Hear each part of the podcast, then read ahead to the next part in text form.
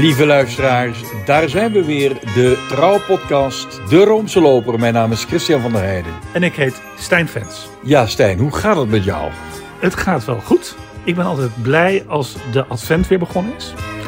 Dat vind ik namelijk de mooiste tijd van het jaar.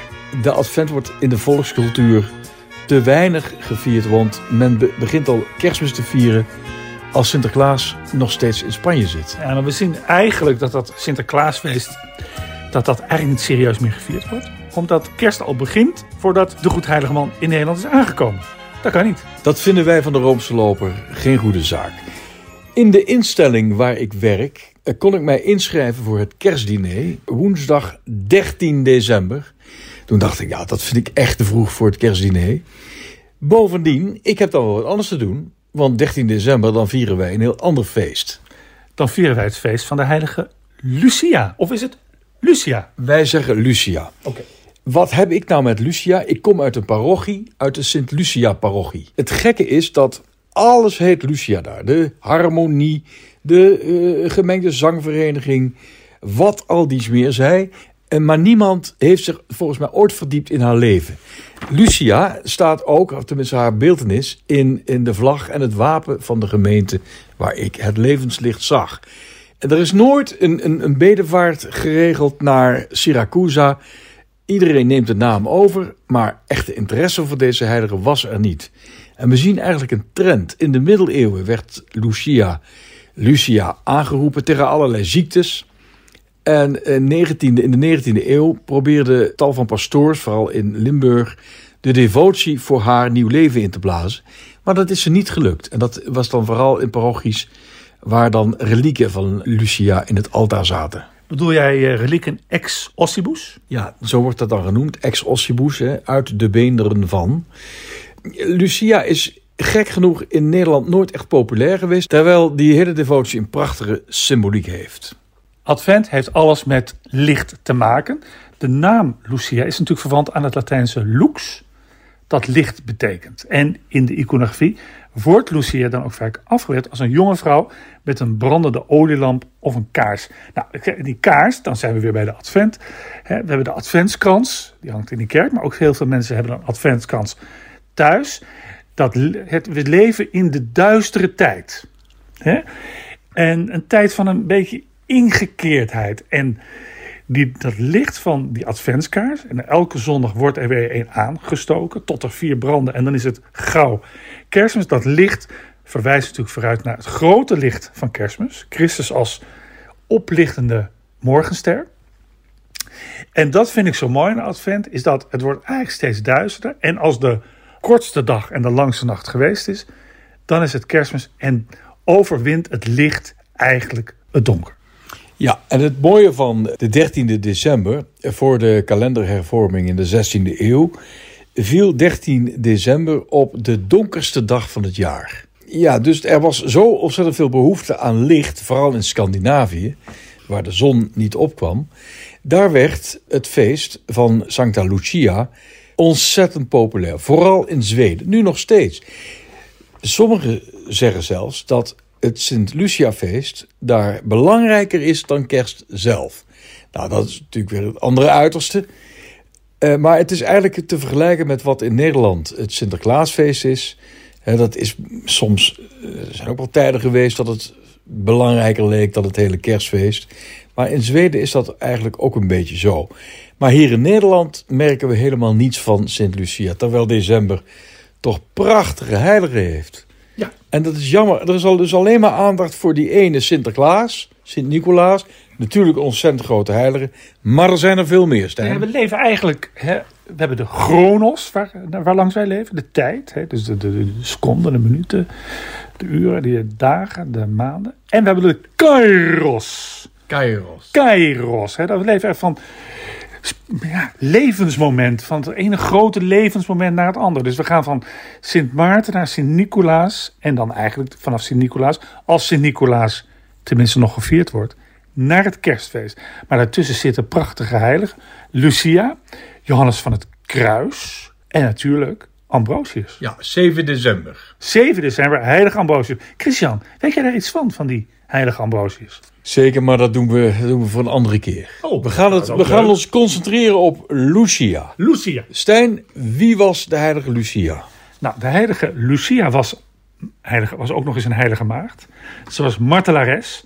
En ze werd waarschijnlijk tijdens het bewind van de Romeinse keizer Diocletianus. Dan hebben we het over zeg, het begin van de 4e eeuw, 304, 30 305.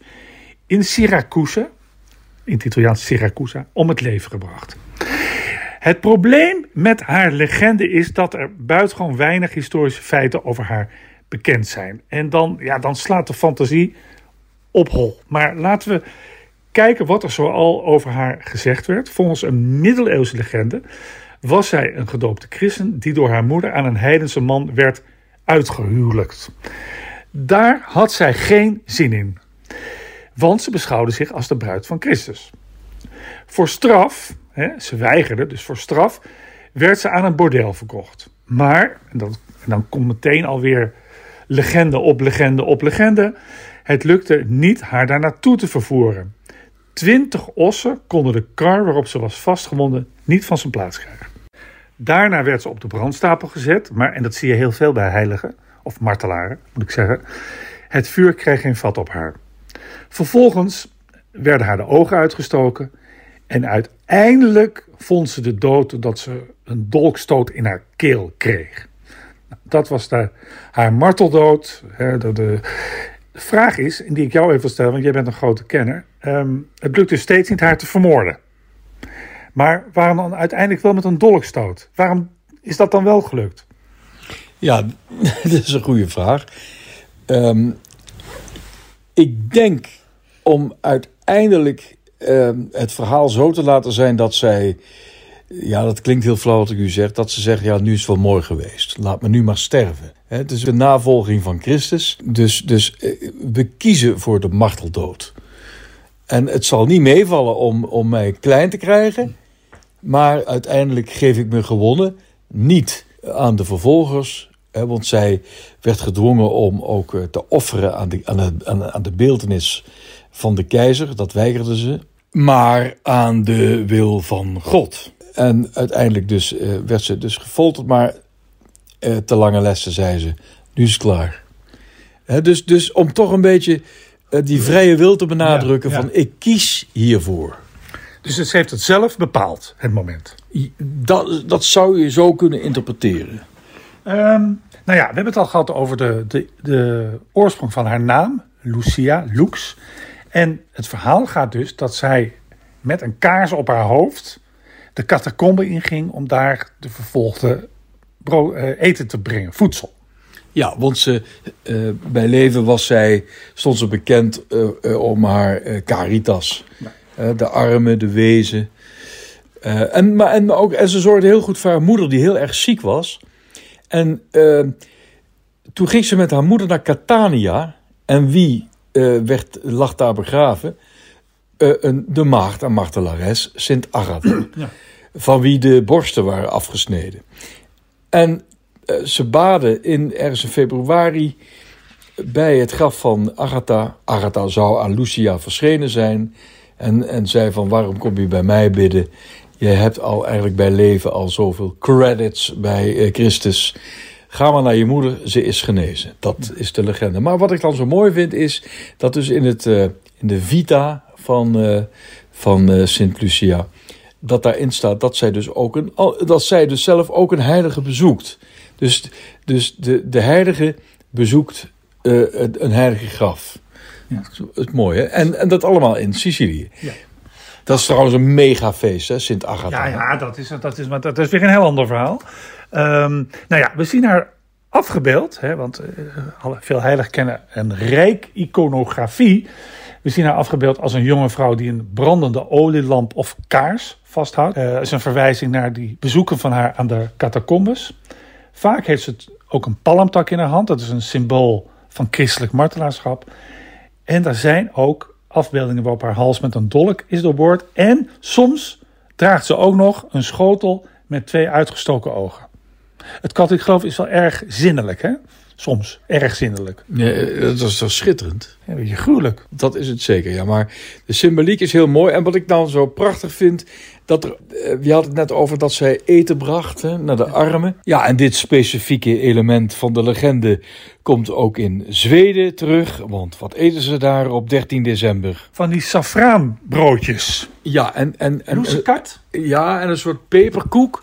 Maar in ieder geval zitten daar heel veel specerijen in die oorspronkelijk niet uit Zweden komen. is trouwens ook in Nederland zo, het speculaas. Alles wat daarin zit komt niet uit Nederland. En Lucia, Lucia, die komt ook niet uit Zweden of eh, de lage landen.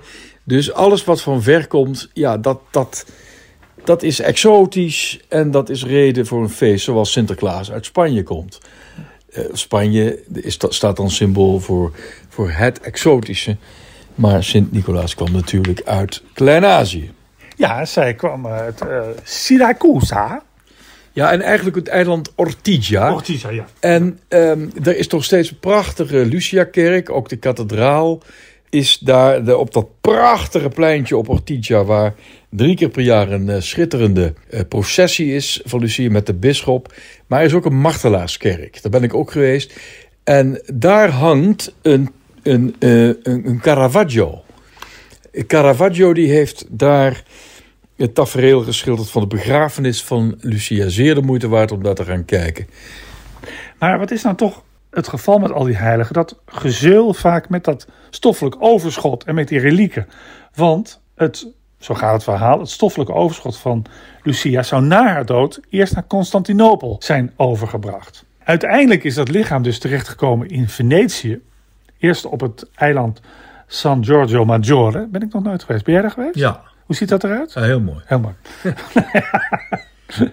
maar sinds het midden van de 19e eeuw heeft ze eindelijk rust gevonden, onze Lucia, daar in een prachtige kerk. De Chiesa dei Santi Gerania e Lucia. Maar zoals ik het goed begrijp, zijn die bordjes van haar, net als van andere heiligen, over heel Europa verspreid geraakt. Ja, op uh, tal van plekken. Uh, zelfs tot in Engeland toe. Maar ja, wat er dan echt van waar is, dat is ook allemaal niet zo belangrijk. Uh, maar Lucia was dus een heel grote heilige en we kennen haar naam natuurlijk ook, want ze staat in de Romeinse kanon. Ja, en wat betekent dat precies, Christian? Ja, de Romeinse kanon kennen wij als Eucharistisch gebed 1. En daar zit een passage in. Eerst zegt de priester: Zend dan uw engel, machtige God, om deze gaven en gebeden op te dragen naar het altaar van uw heerlijkheid. En dan even verderop, dan worden de apostelen genoemd, niet bij namen, want dat is al voor de consecratie gebeurd. En daarna de namen van uh, een reeks bloedgetuigen. Onder wie ook zeven martelaressen. Uh, dat zijn de Afrikaanse vrouwen Felicitas en Perpetua, de Siciliaanse uh, heilige Agatha Lucia, en dan ook de Romeinse Agnes en Cecilia en Anastasia van Sirmium. Je zou kunnen zeggen dat, dat Agnes van Rome, Agatha van Catanië, Lucia van Syracusa en Catharina van Alexandria de, de vier pijlers waren van uh, het vrouwelijke christendom, een heldhaftig christendom. Ongelooflijk bruiden van Christus, die onwrikbaar, standvastig zijn. En zo standvastig dat, dat ossen Lucia niet van haar plek krijgen. Dus we hebben het tegenwoordig over de vrouwelijke kerk. Hè? Paus Franciscus die heeft laatst uit de losse pols weer een toespraak gehouden tot de internationale theologische commissie. Hij had een hele toespraak voorbereid, maar ja, door zijn, uh, door zijn uh, problemen met zijn longen en zijn luchtwegen zei hij van nou die ga ik maar niet uitspreken, dat is niet goed van me, maar sta mij toe toch even een, een kort woordje tot u te richten. Uh, hij zei van eigenlijk vind ik het niet zo leuk. Ik vind jullie heel goed, jullie zijn goed bezig, maar wat toch eigenlijk ontbreekt bij jullie is vrouwen. Hij zei ik tel er hier maar vier, oh nee vijf. En ik draag jullie theologen op om de kerk te ontmaskeren. Demas Demasculiniseren. Dat is het, ja. ja. Demasculiniseer de kerk. Ja. Ontmasker de kerk, zei Franciscus. Want zij heeft, draagt een. Zij is vermannelijkt. Terwijl, en dat, daar hamert hij steeds op. Ecclesia, hè, dus de kerk is een vrouw. Zij is femina. Ja, una femmina. Zij is sposa. Hè, zij is de bruid. Sposa. Sposa di Cristo. En hij zei ook van, eh, ik heb heel veel geleerd van de Zwitserse theoloog Hans Oers van Balthasar. En die had het over de twee dimensies van de kerk. Het ene is eh, het Petrinische aspect. Dus eh, Sint Petrus en al zijn opvolgers. Het pauschap dus, de kerkelijke hiërarchie. dus de, de, de, de mannelijke geestelijkheid. Maar nog veel belangrijker is de mariale dimensie. En dat is, ja, wat is dat eigenlijk? De, Maria, de, de vrouwelijke dimensie van de kerk. Dat is, ja, ik moet wel zeggen, daar is de paus, die, die eh, put zich dan wel een beetje eh, uit in Nou ja, kijk, vrouwelijke stereotyperingen. Hij bedoelt het goed, maar toch vind ik het soms een beetje tenenkrommend. Nou, wat ik, wa- wat ik ook ingewikkeld vind, is dat hij dan vaak verwijst naar eh, de verlangens van sommige vrouwen om gewijd te worden. Het zij als diaken, het zij als vrouw. En dat noemt hij dan klericalisering. Ja. Maar dat vind ik een beetje hetzelfde als een vrouw die Formule 1 wil gaan rijden voor de voeten te werpen, dat het wel heel erg gevaarlijk is. Dus ja, dat wat mannen van dat ambt maken, namelijk dat ze zich te veel naar gaat leven, dat ze zich privileges veroorloven, zich hoger achten dan het gewone gelovige volk, dat, dat, dat gebruik als argument om de vrouwen dat ambt te ontzeggen. Dat vind ik een beetje opmerkelijk. Ja, hij zegt, ja, kijk, eh, eh, de vrouw is veel belangrijker dan de man in de kerk, zegt de paus ook. Maria, eh, dat was dat is de allerbela- het allerbelangrijkste lid van de kerk. Ze is ook moeder van de kerk, maar ook lid van de kerk. Maar ze was geen priester en geen diaken. Ze behoorde niet tot de christelijkheid, niet tot de hiërarchie, maar de hele hiërarchie gehoorzaamt haar wel. Dus daarmee wil hij zeggen, zoek het nou niet in dat gewijde, gewijde eh, ambts... eh, eh, sacrament. Zoek het eigenlijk veel meer in de diaconie wellicht en in het getuigenis. Nou, met Lucia eh, hebben we wel een grote heldin. Ja, En, en, en die zag zichzelf ook heel duidelijk als bruid. Paus is wel een heel erg binaire denker, hè? man en vrouw. Ja. Daartussen zit weinig. Nee, daar zit weinig tussen. En wat ik ook wel mooi vind aan... Bij hem dan, hè? Bij hem dan, hè, sorry. Ehm, wat ik dan mooi vind aan Heilige Lucia... is dat, en dan zie je eigenlijk overal... dat die kerk eh, in Europa op de terugtocht is. En zeker in Scandinavië. Dat is een soort toendra met af en toe een kerkje er nog op. Maar dat, zo'n dat verhaal van die heilige Lucia, dat gaat voort. En dat verandert ook. Dat verandert van inhoud. Maar die heilige Lucia blijft overeind. En dat kernverhaal van haar, dat licht als voorbode van kerstmis, dat blijft overeind. En dat vind ik het grote van de heiligen. We kunnen eigenlijk niet zonder heiligen. Maar eigenlijk die hele maatschappij, om ons heen, die ontkerkelijk is, kan eigenlijk ook niet zonder heiligen. Eh, Maar eh, wij, wij pleiten er toch eigenlijk wel voor om toch eh, meer aandacht te besteden aan deze prachtige adventsheiligen. Ik ben best wel jaloers op die Zweden. Ja, want daar is een Met groot dat feest. hè? prachtige feest. Laten we even luisteren naar eh, het beroemde Santa Lucia op zijn Zweeds.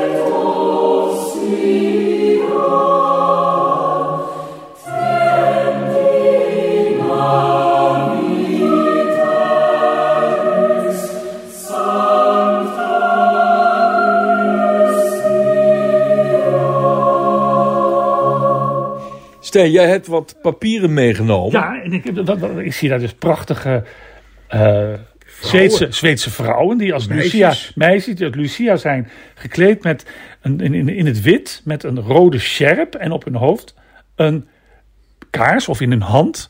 Eh, volgens mij worden niet meer brandende kaarsen in de haren van meisjes gestoken. Lijkt me ook heel erg gevaarlijk. Eh, dat, heb, de- dat beeld komt van de site Visit Sweden. Visitsweden.com of zoiets. Nou, ik lees gewoon voor Lees maar voor. onder het kopje. We hebben Wat de bron genoemd. eh, wat kun je verwachten op 13 december als je in dat prachtige Zweden bent? Als je in Zweden bent, begint het dus, en het Lucia-feest wil meevieren, dan zijn er verschillende plaatsen waar, foutjes, drie A's, waar je dat kan doen. Zoals kerken, gemeentehuizen en zelfs restaurants. Maar je kunt het ook volgen op tv en radio. Geeft aan hoe groot het nog is. Hè? Ja. Volgens de traditie verschijnt Lucia voor zonsopgang, maar om praktische redenen worden veel evenementen in de schemering gehouden. Vind ik ook mooi. Wees niet verbaasd, dus vooral wees niet verbaasd, als een zweet naast je meezingt met het koor van Lucia. En de meesten kennen dat lied wat we net gehoord hebben Ja. uit hun hoofd. Het personage Lucia leidt de processen en wordt gevolgd door meisjes, Ternor, ja, ik zal het allemaal wel vreselijk verkeerd uitspreken, sterrenjongens, Sliergossade en peperkoekmannen, Papapakaksakoebadden. Als kinderen deelnemen aan de processie, gaan ze vaak verkleed als kerstelfjes. Lucia herken je gemakkelijk aan de verlichte krans bovenop haar hoofd. Ze loopt voorop.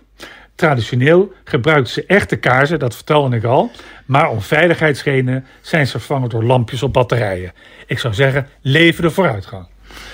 Dat geldt ook, die lampjes op batterijen, voor kransen die worden gedragen door de meisjes in de optocht, die meestal glitters of een krans zonder kaarsen, dat lijkt me ook veiliger, in hun haar dragen. Ook dragen ze vaak een decoratief rood lint of glitterband om de taille.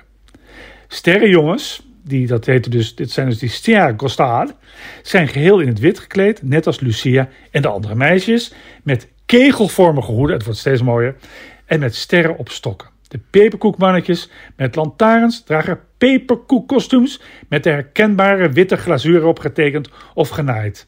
Nou ja, dat is schitterend. Ik stel het me al helemaal voor. Maar veel draait, zegt de site Sweden, Visit Sweden, Visit Sweden, ik moet het wel goed zeggen. Veel draait om het uitdragen van licht, maar lekker snoepen, hè, dat is een beetje, lijkt een beetje op Sint Maarten eigenlijk ook, hè, en ook een beetje op Sint Nicolaas. Veel snoepen is net zo belangrijk. Lucia is vaak vereeuwigd, terwijl ze een dienblad draagt met fika-lekkernijen. Door verschillende iconische Zweedse kunstenaars, zoals Carl Larsen, die ken je goed hè? Het eten bestaat uit peperkoekjes en een S-vormig safraanbroodje genaamd lusekat. Een tractatie die bijna net zo klassiek is als het kaneelbroodje. Nou ja, je drinkt er ook nog iets bij en dat is gluk. Dan denk je gluk. Dat is glühwein, geserveerd met amandelen en rozijnen. Maar ook koffie wordt vaak geserveerd. Nou, kortom, ja, ik zou bijna zeggen, Christian, wij sluiten nu deze podcast af. Wij boeken een ticket naar Stockholm. Zorgen dat we op 13 december daar zijn om dat grote feest mee te vieren. Nee, het lijkt me erg, erg leuk, ja. Dan zitten wij toch maar mooi te kijken met die Sinterklaas hè, en die... Nou ja, kijk wat Hoe, ik. hoe lang denk jij nog dat dat Sinterklaasfeest blijft bestaan? Ik denk nog 100 jaar. Ja? En dan, dan, en dan wordt het afgeschaft. En dan gaan we van Sint Maarten, als dat nog bestaat, rechtstreeks door naar het winterfeest. Want kerstmis, dat, dat wordt dan niet meer gevierd over 100 jaar. Hè? Dat is dan het winterfeest. Ik ben daar een beetje somber over. Want ik zie hier ook dat hele. Kijk, het begint natuurlijk met Sint-Nicolaas. Dat, dat feest is al helemaal uitgekleed. Is volstrekt vercommercialiseerd. En kerstmis volgt natuurlijk wel. Want kijk, dat licht. Hè, dat licht van Christus, waar wij als christenen, en dat zijn wij Christian, naartoe leven. Dat grote licht, die oplichtende morgenster, dat is voor ons belangrijk. Maar de geseculariseerde medemens, die leeft nu naar het licht van kerstmis. En wat is dat licht? Dat is een te fel verlichte kerstboom en een rijk verlichte kersttafel met alle dierbaren. Daar heb ik niks tegen. Maar het is een wat andere invulling van het kerstfeest toch? Dat was het weer, luisteraars. Ik wens u een heel mooi Lucia-feest toe. Mocht u het vieren na het beluisteren van deze podcast. En anders een schitterende advent. Ja, en ik denk dat we moeten afsluiten met een ander mooi exportproduct van Zweden, we hebben Ikea, we hebben de Saab, we hebben Husqvarna, maar we hebben toch vooral ABBA. You and I can share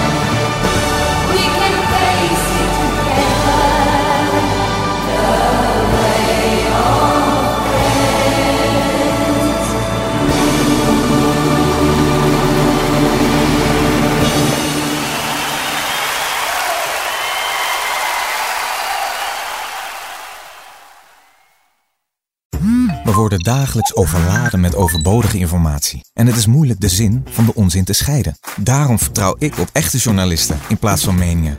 Een krantenmens heeft het gemakkelijk. Word ook een krantenmens en lees je favoriete krant nu tot al zes weken gratis. Ga snel naar krant.nl. Bezorging stopt automatisch en op deze actie zijn actievoorwaarden van toepassing.